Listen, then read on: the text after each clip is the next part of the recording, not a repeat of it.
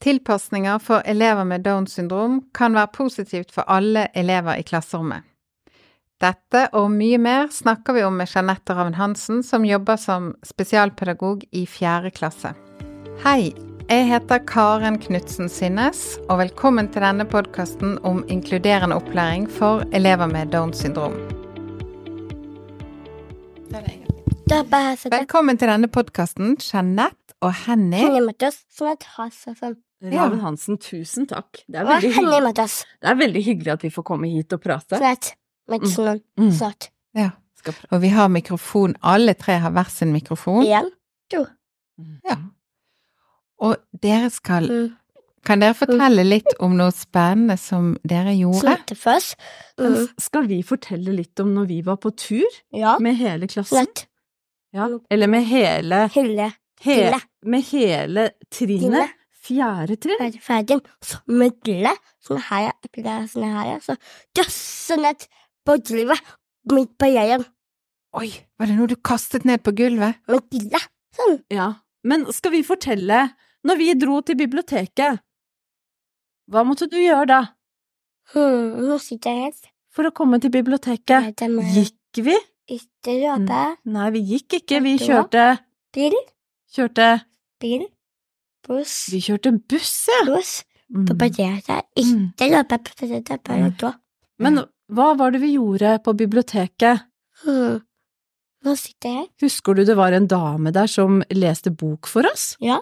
Mm. Det mitt eh, det her fantorium. Mhm. Vip. Og så måtte du gå og finne en bok, bok. sant? Det fort. Men du er jo veldig glad i å lese bøker. Det, så pip, og jeg gjør ikke sånn, Ja. så når ikke så jeg. Alle barna i klassen fikk hvert sitt bibliotekkort. Ja, Mm, Og det fikk du òg. Og Ja. klarte helt alene til deg. å låne bok Ut til uten meg. Og uten meg. Mm. Veldig bra. Jepp. Det var veldig fint å snakke med deg. Og Jeanette. Og Jeanette. Mm. Jeanette. Vi er så heldige at vi har fått en gjest i dag. Jeanette Ravn Hansen. Velkommen til oss. Tusen takk. Og du jobber som eh, spesialpedagog med Henny, som vi har hilst på. Og kan du fortelle litt om deg selv?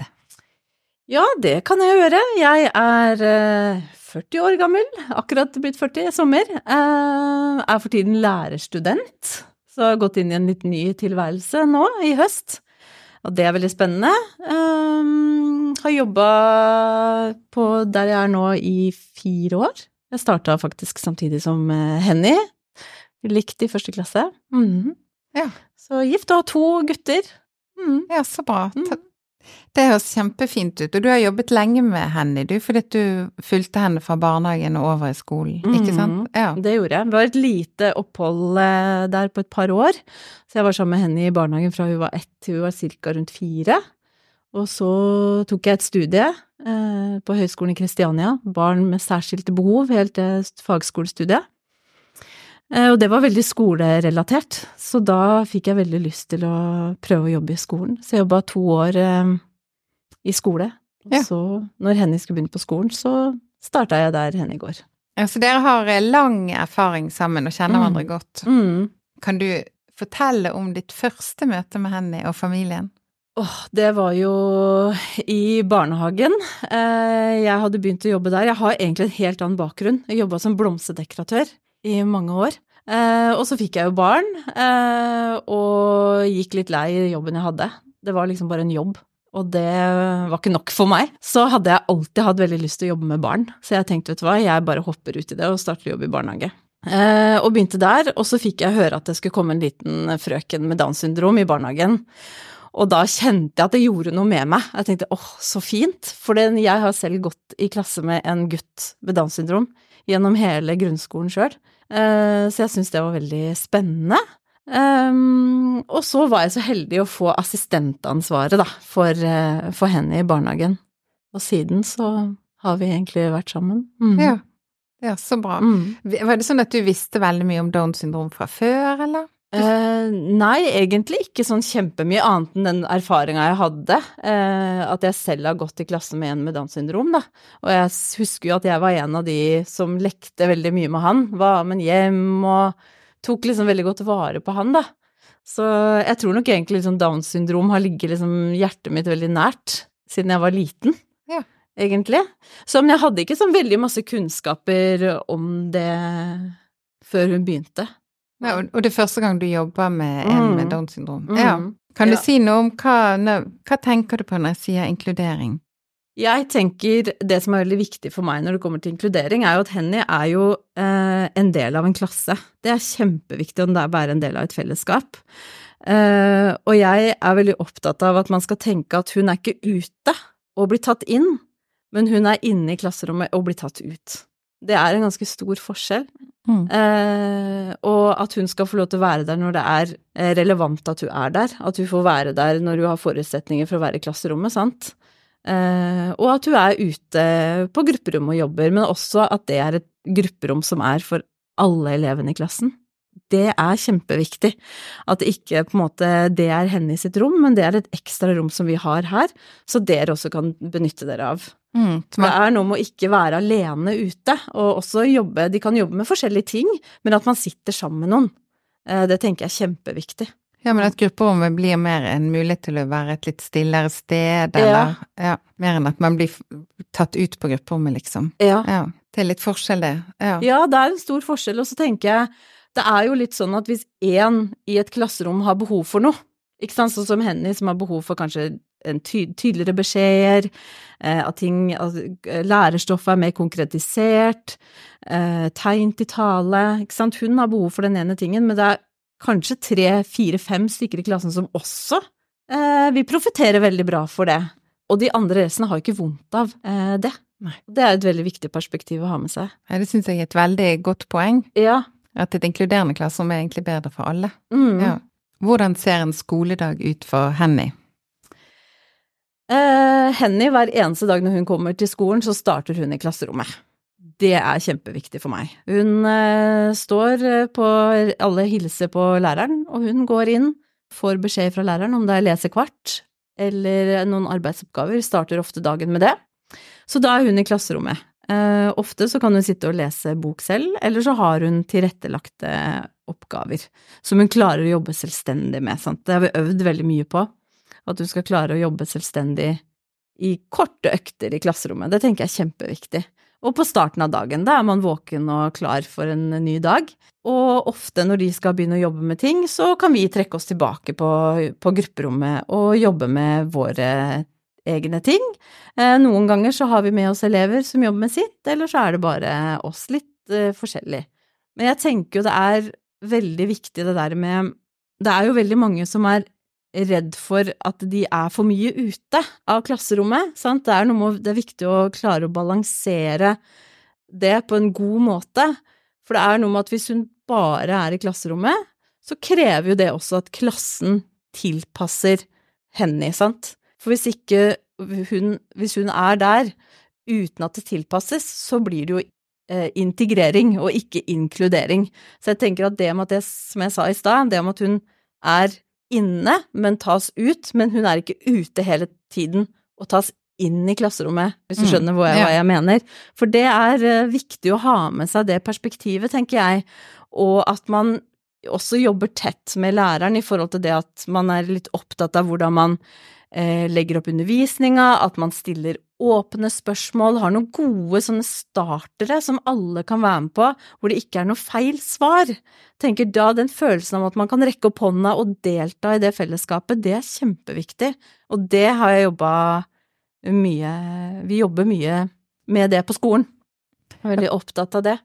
For det er det som er inkludering, sant? At Ja. hele fellesskapet endrer seg litt, Mm, og tilpasse seg de som er med i fellesskapet. absolutt. Mm. Så hun, jeg vil jo si at, og så er det jo etter hvert friminutt, så har vi alltid også oppstart i klasserommet. Så hver eneste undervisningstime så starter vi i klasserommet, og er med der. Og så kan vi trekke oss ut og jobbe litt én til én.